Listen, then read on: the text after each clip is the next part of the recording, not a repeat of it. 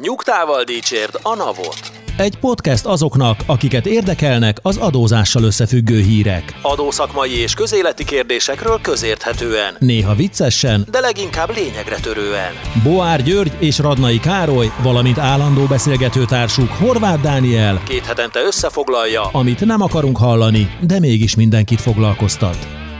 Sziasztok! Ez itt a Nyugtával Dicsérd a Navot podcastunk hetedik adása, állandó szakértőinkkel, Radnai Károlyjal Sziasztok! és Boár Györgyel. Sziasztok! Én Horváth Dániel vagyok. A legutóbbi adásban is már szót ejtettünk a jövő év elején esedékes SZIA visszatérítésről, akkor még egész konkrét intézkedésekről nem tudtunk beszélni. Ez is érdekes témát jelent, hogy hogy ez a szivároktatás, ami, ami gyakorlatilag heteken át zajlott, ez, ez mennyire, mennyire pozitív jogalkalmazóként, meg joggyakorlóként, de a lényeg a lényeg, hogy kijött a kormányrendelet az SZIA visszatérítésről, és most már elvileg minden részletet tudunk.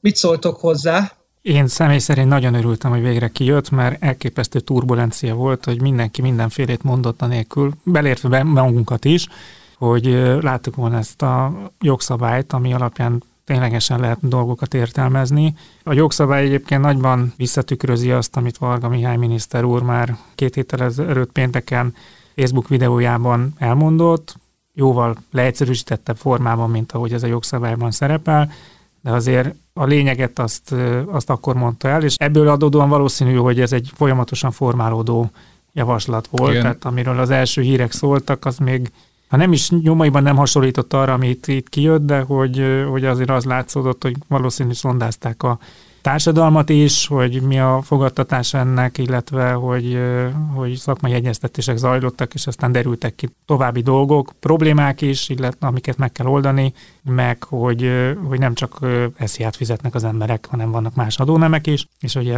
lehet, hogy nekik is vissza kell akkor valamit téríteni. Úgyhogy ebből a szempontból most már nagyon jó volt, hogy végre kijött ez a jogszabály. Igen, a, a szivárogtatáson akadtam fel, amit a Dani mondott, hogy nem tudom, hogy a szivárogtatás volt, vagy a politikai szándéknak az első közlése, majd a szakmai munkának a megindítása, de nekem a gondolatom ezzel az egészszel kapcsolatban, hát nem is tudom, mennyi időt telt el az első bejelentés óta, egy hónap, kettő. Hát nem, nem, hát áprilisban jelent, ez, ez már tavaly ja. április, vagy nem, hát idén április volt, csak aztán jött a nyár, és aztán lebegtették a témát. Mm, igazából végül is majd, hogy nem mindegy ilyen szempont, mert viszonylag rövid idő alatt kidolgozott a, a szakértő gárda egy 600 milliárd forintos visszatérítésnek, a, tehát ehhez kapcsolódó rendszert, mechanizmust, adminisztrációt, szóval szerintem elég kemény meló. Igen, és azért erről, erről ejtsünk szót uh, itt a, a frontvonal mögött én azt gondolom, hogy komoly szakmai munka zajlott, hogy meg tudjanak felelni ezeknek a követelményeknek, és valahogy a fennálló adórendszerbe elhelyezzék ezt az intézkedést. Ami elég szélesre sikeredett. Igen, tehát hogy egészen konkrétak legyünk, tehát hogy jövőre választás lesz áprilisban, és a politikai akarat az ezt a pénzt április előtt vissza szeretné juttatni az embereknek, ellenben a, az adótörvények, a személyjövedelem szóló törvény, vagy hát adózás eljárás szóló törvény, az adóbevallás viszont május 20-ához köti már 30 éve, úgyhogy ez egy probléma, hogy hogy lehet a pénzt úgy visszaadni, hogy még nem tudjuk, hogy mi lesz az adóbevallásban, és már mi is arra gondoltunk, és ez, ez köszönt vissza a jogszabályba, hogy ez egy ilyen kétfázisú procedúra lesz, tehát hogy valamit nyilatkozni kell, valamit lát a NAV, az mondjuk egy ilyen 95% pontossággal be tudja lőni, hogy mennyi az a visszajáró adó, ezt akkor visszatéríti, viszont azok, akik ilyen visszatérítéssel fognak élni, azok nem dőlhetnek hátra, hanem az adóbevallásukra oda kell majd figyelni, mert akkor ott plusz-minusz el kell varni a különbözetet. Nem mindenről tud ugyanis a NAV, illetve amiről tud, az nem biztos, hogy helytálló, és emiatt ezeket a problémákat csak máshogy nem lehet rendezni, mint hogy az adóbevallásban utána nyilatkozni. Igen, és uh, itt új, uh, ahogy a nyilatkozatot említetted, Karesz, itt új nyilatkozatforma nyomtatványt is kell készíteni, ez egyébként még nincs is kész, ez előreláthatólag október 31-től lesz használható a visszadó nyomtatvány, és ezen lehet majd a legfontosabb jogosultsági adatokról uh, nyilatkozni, mint bankszámlaszám, postacím, ilyenek. Tehát valakinek ezt is le kellett fejleszteni itt kutyafuttában. Hát és ugye nem csak SZIA-ra, hanem Ekóra, Katára, szóval ez nem semmi. Hát arról nem is beszélve, igen, hogy katások esetében most a Nava nyakába kapta azt is, hogy olyan kisadózóknak is bevallástervezetet fog készíteni, akik egyébként teszi a bevallás benyújtására nem is lennének kötelesek. Tehát adminisztrációba ez azért, ez azért nem semmi. Igen, a, szerintem csak azért, hogy ha valaki most először hallgat minket, és az a meglepő helyzet lenne, hogy tőlünk hall először elő az SZIA visszatérítésről, hogy nagyon röviden összefoglalnánk itt a lényeget. Tehát a cél az az, hogy a, a várhatóan a 2021-es átlagbér után befizetett SZIA-t egyszeri alkalommal 2022 február-március tájékán visszatérítenék azoknak a gyermeket nevelő szülőknek, akik erre jogosultak. És az, hogy ki erre jogosult, az nagyban függ attól, hogy igénybe veszik a családi adókedvezményt, és ha igen, akkor milyen összegben. És ez is fogja okozni a legtöbb problémát, mert erről elvileg nyilatkozni lehet az év elején, de ha valaki erről nem nyilatkozik, vagy menet közben születik meg a gyerek, akkor már magasabb adókedvezményre lehet jogosult, és ez az, amit nagyon nehezen tud követni a NAV, és ezért kell majd valószínűleg először nyilatkozni arról, hogy, hogy valóban igényli ezt a visszatérítést, vagy sem. Ami nagyon fontos, hogy a családi adókedvezménynél ugye a család a jogosult, és ezért ott a házastársak vagy a, az élettársak egymás között ezt megoszthatják, tehát dönthetnek úgy, hogy vagy az édesanyja, vagy az édesapa, vagy mindketten valamilyen megosztás szerint veszik igénybe ezt az adókedvezményt. Ez az SZIA visszatérítés viszont mind a kettőjüknek jár, tehát ezért egy, ez egy magasabb összeg, mint ami a családi adókedvezmény lenne. A teljes visszatérítés, ha valaki nem vett igénybe családi adókedvezményt, az fejenként 809 ezer forint lenne, tehát egy ideig számít, hogy ki mennyit keres, aztán utána eléri a, a, az átlagbér szerinti esziát, akkor utána már ennél többet nem tud igénybe venni,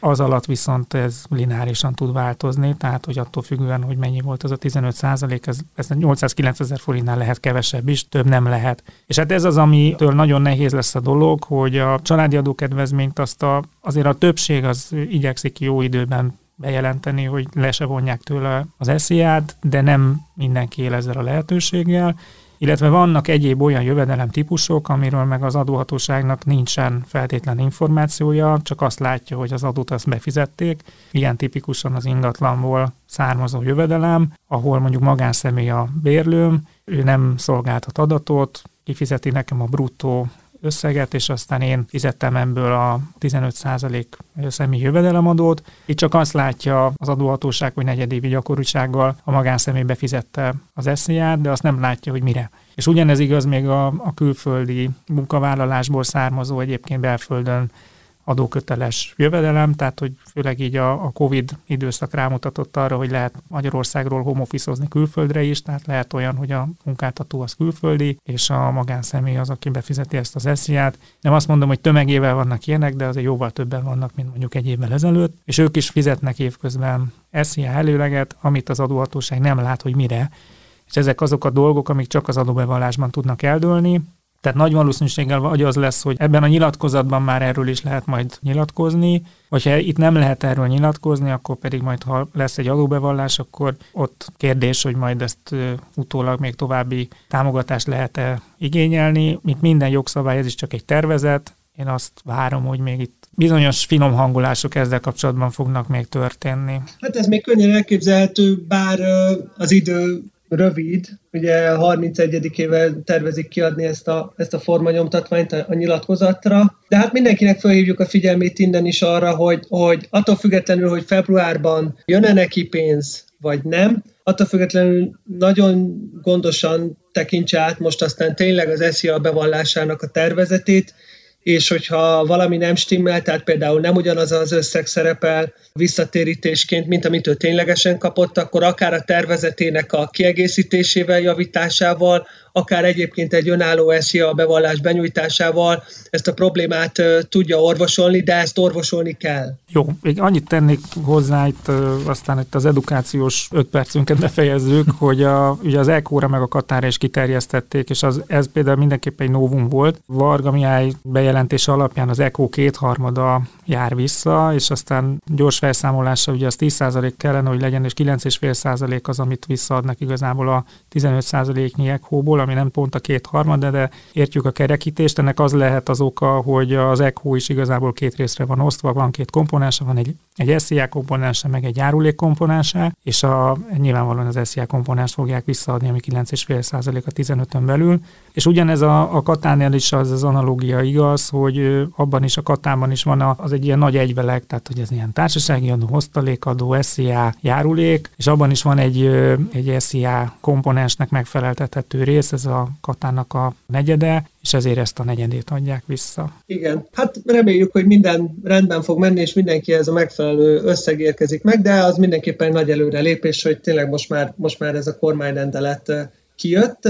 Menjünk is tovább ezen a vonalon a, a jövő évi változások tekintetében tudnélik, nem csak az SZIA-t érintően tervez a kormány intézkedéseket, hanem hát nyilván több helyről hallhatták már, vagy hallhattátok már, kedves hallgatóink, hogy a kormány a minimálbért is emelni tervezi, és ehhez kapcsolódóan ugye a, a munkáltatók terheinek a csökkentése érdekében pedig a szocót csökkenteni. Igen, a, ugye ugyanezt a játékot már eljátszottuk egyszer talán a, egy-két évvel ezelőtt is, hogy emeltük a minimálbért, és közben csökkentettük az adót, tehát érdekesek ezek a, ezek a rendelkezések, ugyanis hogyha azt feltételezzük, hogy a minimálbér emelésével fehérítünk bizonyos típusú jövedelmeket, amiből nagyobb adóalapot generál az állam, abból több adóbevétel származik, és ebből a több adóbevételből vágunk vissza egy kicsit. Érdekes lenne megnézni a matekot, hogy hogyan néz ki ez pontosan. Szóval a, a nagy vonalúság az, az igazából úgy jelentkezik, hogy hát nem csak simán ad az állam, hanem egy picit többet veszel, és abból ad vissza valamennyit. Ugyanez a játék volt talán két évvel ezelőtt is az első nagyobb minimálbéremelési hullámnál. Jó, de segítsetek már nekem megérteni, hogy ebben a bejelentésben, ami most szeptember 27-én hangzott el, mi a novum? Semmi.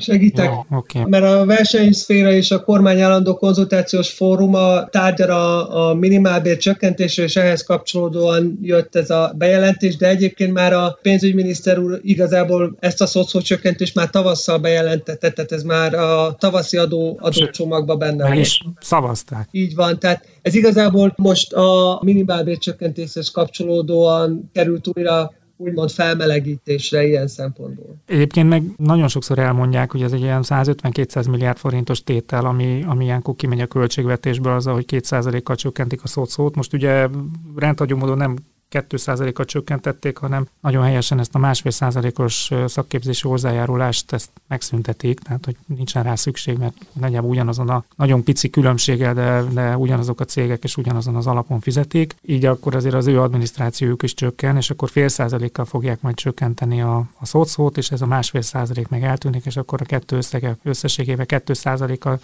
csökkennek a, a munkáltatói terhek, és ne felejtsük, hogy egyébként itt elvileg nem áll meg majd az óra, az persze az egy más kérdés, hogy választások lesznek, és nem tudjuk, hogy mi lesz a vége, de elvileg a, az eredeti ígéret az az volt, hogy 11,5 százalék lesz a szocó, és másfél százalék pluszban a szakképzési hozzájárulás, tehát 13 százalék, tehát még egy 2 százalékos csökkentés, az benne van a csőben kettő év múlva, tehát 2024 Uh-huh. Ha jól emlékszem, ez volt a, a céldátum. Igen, igen, ez a VKF megállapodás ö, ö, értelmében bevezetett ö, gyakorlatilag már régóta tudható intézkedés, és ennek a következő lépcsőjéről beszéltél most. Itt igazából talán azt ö, érdemes még ö, fontolgatni, amit a Gyuri is ö, felvetett, hogy a jut is marad is elvalapon, ezzel most igazából ki jár jól? Hát azért én azt gondolom, hogy a munkáltatók összességében ezzel jól járnak, tehát a világosan, hogy akik minimálbér körül foglalkoztatnak, ott a, a terhek azok a minimálbér emelése miatt nőnek, és ebből visszaadnak, de azért a többség az nem minimálbért fizet, hanem sokkal többet,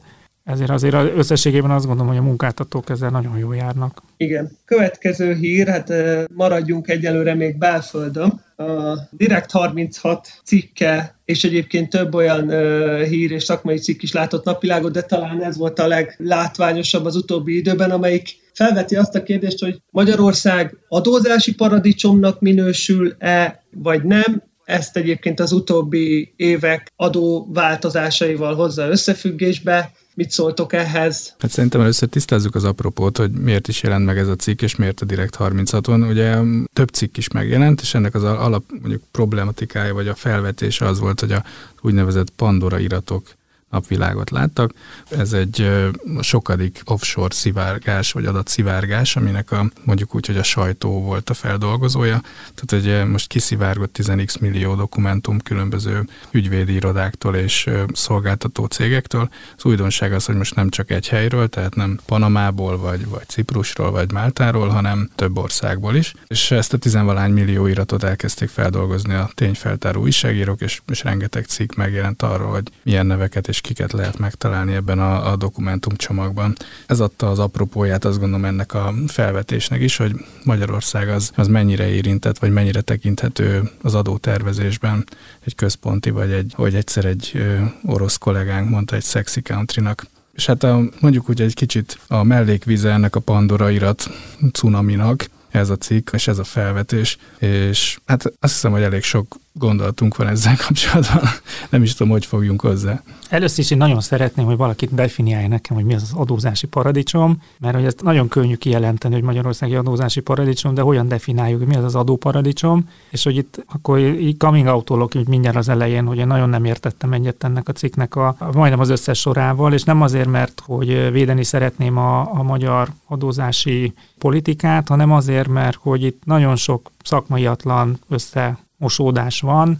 Attól, hogy vagy egy országban alacsonyak az adók, attól az még nem feltétlen adóparadicsom, tehát hogy amit ugye offshore-nak meg adóparadicsomnak szoktak hívni, azok klasszikusan azok a tevékenységek, amikor valaki egy könnyen mobilizálható tevékenységet egy olyan országba visz, ahol egyébként az adott országban teljesen más szabályok vonatkoznak a helyiekre, mint a külföldiekre, tehát hogy van egy ilyen pozitív diszkriminációja a külföldi jövedelmeknek, és ezeket ezért nagyon előnyösen megadóztatja, úgy, hogy egyébként ennek a cégnek a tevékenységnek semmi köze nincsen az adott országhoz. Most Magyarország esetében azért attól, hogy alacsony, hogy 9% a társasági adó, meg 15% a személyi jövedelemadó, az nem jelenti azt, hogy Magyarország olyan cégek tevékenykednek, akiknek semmi köze Magyarországhoz. Ettől nem leszünk Szesel szigetek, hogy nálunk alacsony az SZIA. Tehát, hogy, hogy itt azért alapvetően össze van mosva az, hogy milyen a magyar adórendszer, és hogy egyébként Magyarországot mire használják. És igen, ki van mondva, hogy, hogy ennek a 9%-os társasági adónak az a célja, hogy külföldi jövedelmeket Magyarországra csábítsanak, de nem úgy, ahogy a Szesel-szigetek szeretné, hanem úgy, hogy itt legyen valós tartalom, tehát hogy ide jöjjenek vállalkozni olyan cégek, akik mondjuk azt a gyárat megépíthetik csomó más országban is, de válasszák Magyarországot azért, mert Magyarországon a munkát terhelő adók, meg a vállalkozást terhelő jövedelemadó az alacsonyabb, mint máshol, és persze egy, egy befektetés tervezésénél ezer más szempont is lehet, de hogy mondjuk ebben a szempontból itt adnak egy olyan jó infrastruktúrát, amivel könnyű építkezni. És még egyszer mondom, hogy itt azért a legnagyobb különbség a klasszikus offshore szigetek és, és Magyarország között az az, hogy, hogy itt nincsen különbségtétel abban, hogy a magyar az többet fizet, a külföldi kevesebbet, mert volt ilyen, tehát hogy az a 90-es években egészen 2004-ig, az EU csatlakozásunkig volt ilyen, hogy klasszikus offshore struktúrák tudtak működni Magyarországon a pénzügyminisztérium aktív támogatásával, hanem itt egyszerűen arról van szó, hogy mindenki ennyi adót fizet, mert ez a vállalkozási környezet. És hogy emiatt én egy, eléggé megóroltam erre a cikkre, mert hogy, a, hogy az egészet egy olyan nagyon negatív oldalról viszi, az nyilvánvaló, hogy, hogy ebben, a, ebben az iraton szempont lett az, hogy bizonyos személyek Magyarországot úgy próbálják eladni olyan köröknek, akik egyébként az adóelkerülést játszanak, hogy ez egy olyan terület, ahol, ahol ők letelepedhetnek de hogy ez önmagában azért nem kriminalizálhatja a magyar adórendszert, tehát nem mondhatjuk akkor rá, hogy akkor ez minden, amit itt Magyarországon csinálunk, akkor az, az olyan. És hogy egyébként, a, ha valaki elolvassa ezt a cikket, hogy megnézi a címet, meg megnézi az ahhoz készült grafikát, akkor az az derül ki, hogy itt aztán tényleg egy offshore sziget vagyunk, és itt a, a zavarosban halászik mindenki, majd utána elolvasod a, a cikket, és igazából nincs benne semmi. Tehát, hogy előszedtek két ilyen szerencsétlen ügyvédi prospektust, amiben a, az ügyvéd nyilvánvalóan a megbízója felé mondott valamit, ami ebből az következik, hogy hát Magyarországon nagyon alacsonyak az adók, de hát most ki fogok ábrándítani sokakat, de hát minden adó tanácsadó meg ügyvéd ezt csinálja, hogy megpróbálja a saját országát eladni a külföldieknek, tehát hogy ebbe önmagában azért nincsen semmi olyan érdekes meg extra, hogy leírja, hogy Magyarországon alacsonyak az adók, és azok, akiknek egyébként ez fontos szempont, azok jöjjenek Magyarországra. Igen, azért sok minden felmerül ebben a cikkben. Pont itt a mondjuk így a tervezéssel kapcsolatban okirat hamisításig jut el a történet. Azért ezt szerintem szedjük teljesen külön, hogy, hogy valaki egyrészt adót tervez, vagy másrészt okiratot hamisít, azért az baromira nem ugyanaz. Tehát az egyik az egy legális tevékenység, és egy mondjuk úgy, hogy bevett szellemi tevékenység, a másik pedig egy bűncselekmény. Tehát, hogy okiratot hamisítani nem csak adóparadicsomi környezetben tilos, hanem, vagy hát pontosabban fordul el hát elő, hanem akár itthon belföldön, vagy Németországban, vagy Hollandiában is, de ez egy bűncselekmény, ez egy teljesen más kategória, mint, mint az adótervezés. Tehát ezt összemosni szerintem hiba. És ez fölmerül a, a magyar adókörnyezetnek több olyan eleme, ami ami egyrészt nem az elmúlt tíz évnek a mondjuk így adóváltozásaihoz kapcsolódik, hanem kb. 30 éves gyakorlat, például ez a forrásadó hiánya Magyarországon. Tehát szerintem ez egy külföldi tőke bevonzása szempontjából egy fontos politikai döntés lehetett annak idején, hogy mi nem akarunk ilyet alkalmazni, mert úgy gondoljuk, hogy ez a szerencsés megoldás erre. És bocsánat, azért ha hadd egészítsem ki, hogy van egy Európai Uniós direktíva, ami egyébként a forrásadókat meg még tiltja is, tehát hogy bizonyos jövedelmekre tehát beleírhatjuk mi a magyar TAO törvénybe, hogy 30% forrásadót kell fizetni, de, de az EU direktívának a, az esetek nagy többségben egy EU-s rendelkezésekkel szembe menne ez a, ez a jogszabály. Tehát hogy itt nem arról van szó, hogy mi engedjük az Audinak, hogy kivigye a nem tudom hány 100 millió eurót, vagy milliárd eurót, bezzeg a szlovákok nem, hanem az Európai Unión belül nincsen forrásadó, pont azért, mert ez egy közös piac. Tehát, hogy, és ez is egy annyira egy szakmaiatlan része volt ennek a cikknek, hogy mint hogyha most kellene rácsodálkozni, hogy nekünk miért nincsen forrásadónk. Itt arról nem beszél, hogy a forrásadót azt mondjuk tegyük esetben az Audi példájánál maradva mondjuk osztalékra, vagy kamatra, vagy hasonló típusú kifizetésekre szokás kivetni, tehát hogy mondjuk osztalékról beszélünk, akkor ez egy adózott jövedelem kifizetésének az újraadóztatását eredményezheti a forrásadónak a kivetései helyzetre, ugye ezért tiltja a többek között a direktíva is ez, szóval, hogy tehát az, hogy nincs forrásadó, az nem azt jelenti, hogy Magyarországon nem fizet semmilyen adót az, aki a kifizetést teljesíti. Tehát ez is egy, egy, egy eléggé mondjuk így mellé nyúlás a történetben. És hát ami még előkerül, ami számomra különösen érdekes volt, az egyezményeknek a használata és köre, hogy kicsit azt sejteti a cikk, mint hogyha azért kötnének kettős adóztatás elkerüléséről szóló egyezményeket az államok, hogy az adótervezést és a, az offshore-ozást elősegítség, hát pont ellenkezőleg. Tehát, hogy én azt gondolom, hogy jellemzően az ilyen egyezmények a létrehozását vagy megszületését azt hívja elő, hogy a két ország közötti gazdasági kapcsolatok indokoltá teszik az adóviszonyoknak és az adóztatási jognak a rendezését és az allokációját a két állam között. És arról nem beszél, hogy nyilván nemzetközi jogi környezetbe kell ezt tenni, de azért mégis két állam közötti egyezményről van szó, tehát a két államnak a saját érdekeit meg kell tudni próbálni érvényesíteni egy ilyen egyezménynek az aláírásakor. Szóval egyezmény nem azért van, hogy ne, ne fizessünk adót, hanem azért, hogy kiszámítható legyen az adóterhelése egy cégnek vagy egy tranzakciónak. Ilyen több kritikát is megfogalmaztatok itt a cikkel, meg leginkább talán ezzel a, ezzel a szemléletmóddal kapcsolatban, amit ö, tükröz, Magyarország nyilvánvalóan nem hasonlítható a Seychelles-szigetekhez, de Máltához vagy, vagy Ciprushoz se. Többek között azért se, és én még talán ennyit tennék hozzá, hogy azért Magyarországon cégként eltűnni nem egy egyszerű dolog. Tehát tényleg itt a digitális fejlesztések időszakában már egy társaságnak szinte minden adatáról közhiteles nyilvántartást vezetünk, és az ügyvezetők is utolérhetőek jellemzően. Más kérdés, hogy elképzelhető, hogy valaki ezzel trükközik, de azért megvan a kellő eszközrendszer, meg a jogszabályi háttér arra, hogy hatékony intézkedéseket foganatosítson, akár például az adóhatóság egy, egy adózónak az előkerítésére. Úgyhogy én, én még azért ennyit tennék hozzá, hogy itt nem, nem vagyunk annyira alkalmasak a titkos üzletelésre, Igen, tehát hogy szerintem is egy fontos szempont, de ez talán a cikkben is megjelenik, hogy azért Magyarországon úgy elbújni nem lehet. Ugye a magyar cégeknek a transzparenciája azért szerintem európai szinten is erős, tehát hogy azt gondolom, hogy akár a szomszédos országokban, akár nyugatabbra tekintve sem biztos, hogy látunk olyan jellegű transzparenciát, a tulajdonosi szerkezetet és a beszámolókat, illetve mint Magyarországon. Ráadásul ilyen könnyen elérhetőt, ugyanis ingyenesen elérheti bárki bárhonnan. Ezeket nyilván csak meg kell találni a megfelelő honlapot, de ezek minisztériumok által üzemeltetett honlapok, szóval hogy egy, egy államilag támogatott transzparencia van e mögött. Vagy hát offshore céget használni, azért emiatt minőségileg más, vagy az a jog, jogkörnyezet, vagy az a környezet, ez minőségileg más, mint ami itthon van Magyarországon. Más kérdés, hogy, és ez szerintem egy ideológiai vagy politikai kérdés az, hogy mennyire ragaszkodunk ehhez a transzparenciához, mennyire szimpatikus ez nekünk, és mennyire tudunk együtt élni vele, ugyanis ezzel együtt kell tudni élni. Az offshore környezet, vagy a kevésbé transzparens környezet, és tényleg ez nem kell feltétlenül napsütötte szigetre gondolni, elég tényleg egy-két nyugati európai országot példának venni, hogy hogy sem ismerhetem meg a tulajdonost. Még ez is indokolható gazdasági racionalitással, illetve hát a, a magánszemély tulajdonos érdekének a védelmével is. Tehát eh, én azért akartam ezt felszínozni, ezt a transzparencia kérdését, mert ez egy, ez egy értékítélet, vagy egy politikai kérdés, vagy egy társadalmi egyetértésnek a kérdése, hogy elfogadjuk-e azt a transzparenciát, amit mi Magyarországon biztosítunk, és ez a standard.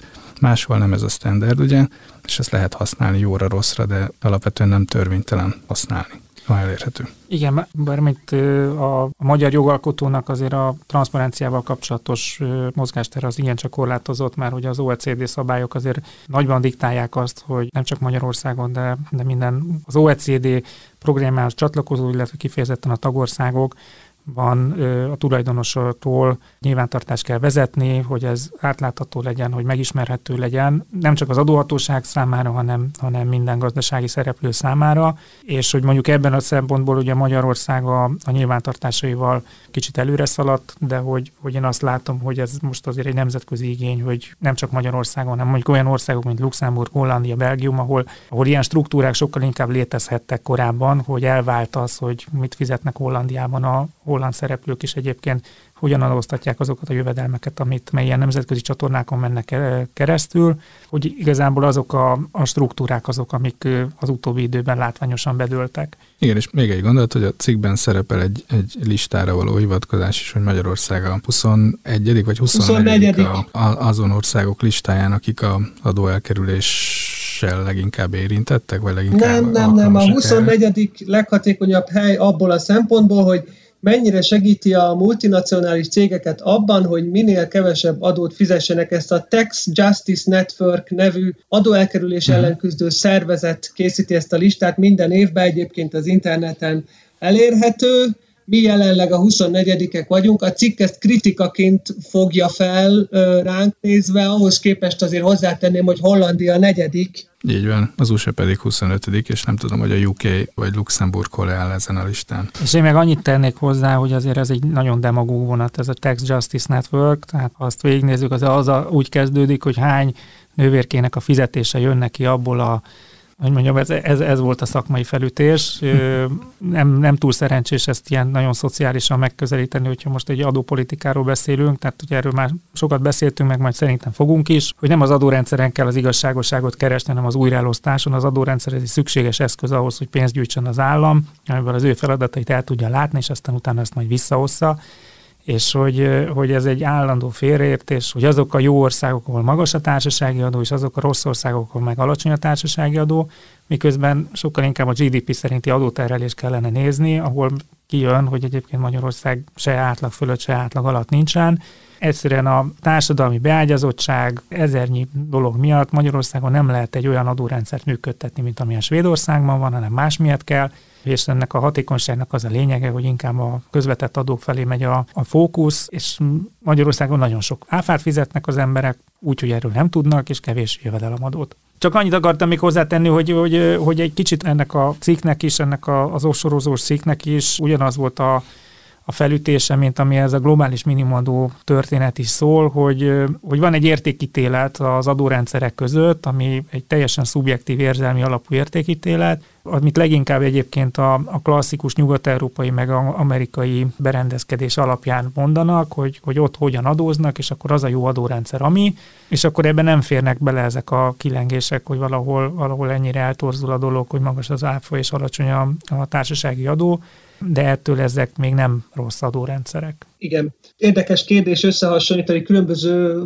államok adórendszereit, és, és ezen a vonalon is megyünk akkor tovább, kilépünk az országhatárokon túlra, tudnélik Romániában. Tekintettel arra, hogy az elmúlt egy évben a villamosenergia és a gáz átlagára 21%-kal, tehát elég jelentős mértékben drágult, ezért felvetődött, az energiavállalatok extra profitjának megadóztatása, hogy a fogyasztói árakat le tudják nyomni. Nem jól fordítottak, mert luxus profitot kellett volna fordítani.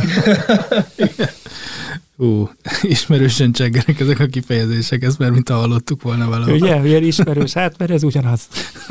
Igen, hát többször előfordult már, hogy, hogy, hogy adózás területén ötleteket nyújtottunk a környékbeli országoknak, és itt egy újabb példa talán. Ugye Magyarországon is van egy hasonló és hasonló narratívában megszületett adónem, vagy adónemek.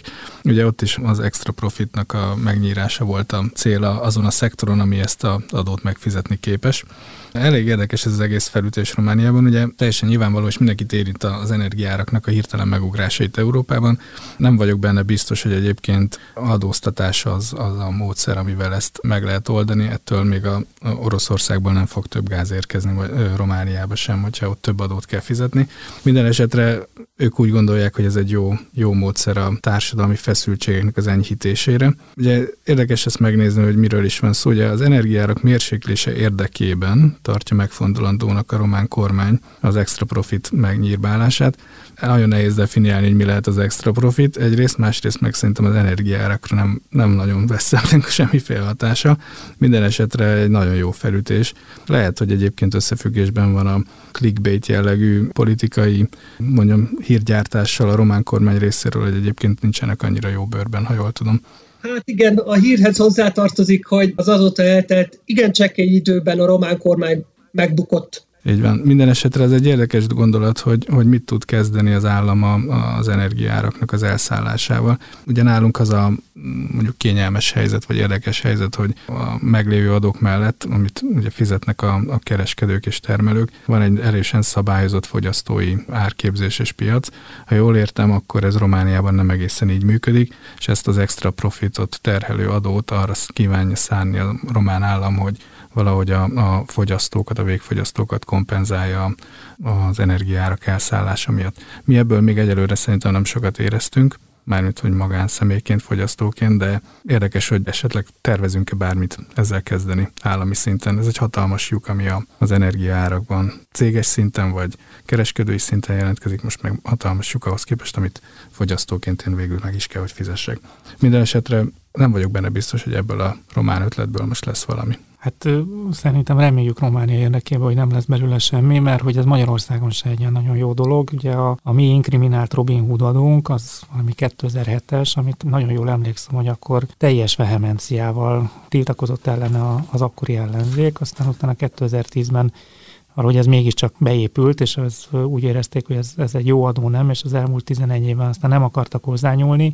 Tehát ez egy, ez egy, ez egy klasszik demagóg hogy vegyük el a gazdagoktól, és adjuk vissza majd a szegényeknek, csak éppen a, az elvétel a gazdagoktól ez, ez oké, okay, ez, ezt értjük, a, a, az adjuk vissza, aztán utána azt meg nem látjuk, hogy ezt igazából hogyan használják, illetve, hogy Hát ez a rezsi történet köszönít vissza azért ez ebben a, ebben a sajtónyilatkozatban, hogy akkor a, próbáljuk a, a lakosságotnál az esetében tompítani a, az energiaárak elszabadulásából adódó hatást, és ez megint egy nagyon rossz dolog, amikor az adórendszerhez nyúlnak, hogy azon keresztül próbálnak szabályozni valamit, tehát hogy amit te is mondtál, Gyuri, hogy van, van egy árszabályozási rendelet, ezeket szabályozói eszközökkel kell valamilyen módon kormányban tartani, azzal, hogy a hogyha egy energiapiaci cégnek a működése az az, az energia áraktól is függ, mert valahonnan be kell szerezni ezt az energiát, amit utána aztán a lakosságnak el tud adni, akkor nem lehet azt mondani, hogy ennek az ármozgásának kockázatát csak ő viselje, akkor eb, itt, hogyha ezt szeretnénk valamilyen szinten korlátozni, akkor ebbe be kell tenni egy mozgó faktort, hogy, hogy az állam a zsebébe nyúl, annak érdekében, de hogy ezt nem az adórendszeren keresztül kell csinálni, hanem ezt valami teljesen más módon kell kompenzálni, és azért azt pedig egy intő példa, hogy amit Magyarországon csináltak, az meg a másik szélső érték lett, hogy a lakosság ebből semmit ne érezhessen, mert hogy, hogy ezért lett aztán az, hogy minden szolgáltató állami tulajdonba került, mert hirtelen mindenki kilépett ebből a piacból, mert ez gazdasági értelemben már nem éri meg, és akkor végeredményben mi adófizetők fogjuk ezt így is úgy is megfizetni, most teljesen mindegy, hogy a rezsidíjon keresztül, vagy az adórendszerünkön keresztül, tehát hogy, hogy ez, egy, ez egy nem egy jó dolog, mert hogy egyrészt az embereknek is azt a csaluka képet mutatja, hogy az energiárak azok fixek, miközben egyáltalán nem azok, és ez az óló, ez nagyon drámaian nyílik az utóbbi időben, Tehát, hogy, hogy ez nem lesz egy tartató megoldás, és hogy ezért furcsa nekem az, hogy pont a románok meg most akartak erre a vonatra fölülni, miközben itt a, a magyar intő példa, ami, ami nagyon recsegropog. Hát lehet, hogy a bőrüket próbálták menteni, de, ez nem volt sikeres bizalmatlansági indítvány révén, ugyanis a héten még egyszer mondjuk a román kormány megbukott, úgyhogy ez az intézkedés erőteljesen kétes, hogy bevezetésre kerül-e. A mai napra ennyi hír jutott, ennyi fért az időnkbe. Nagyon szépen köszönjük a figyelmeteket, ugyanakkor még jeleznénk, hogy továbbra is, hogy elértek bennünket a saját honlapunkon, Spotify-on, Soundcloud-on, Facebookon. És tegyük hozzá, egy telefonon is elértek. Innen is köszöntünk Dani a telefonok másik végén. Igen, a mai adás egy kicsit speciális volt ilyen szempontból, de reméljük, hogy ez majd a felvétel minőségén és az adás élvezhetőségén kevésbé fog látszani. Még egyszer köszönjük szépen a figyelmeteket, és várunk titeket legközelebb is. Sziasztok! Sziasztok! Sziasztok! A Nyugtával Dícsért a Napot podcast adását hallottad. Az elhangzott kijelentések és vélemények a műsorvezetők és vendégeik magánvéleményét tükrözik. A műsornak nem célja az adótanácsadás, és nem is minősül annak.